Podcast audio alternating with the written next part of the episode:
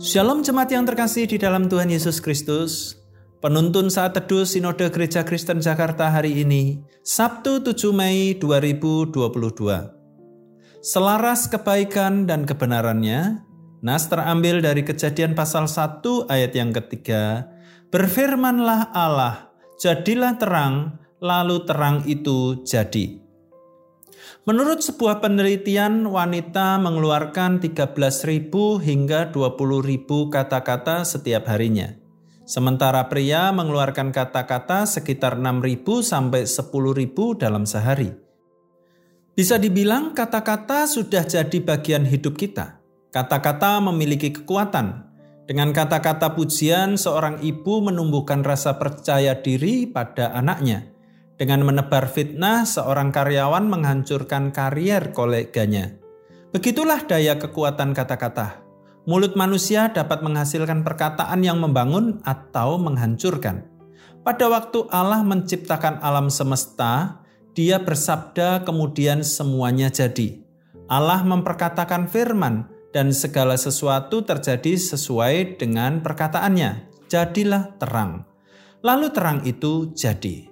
Perkataan Allah mengandung daya cipta yang mengagumkan. Allah itu maha benar, maha baik. Dia memperkatakan sabda yang baik yang membangun.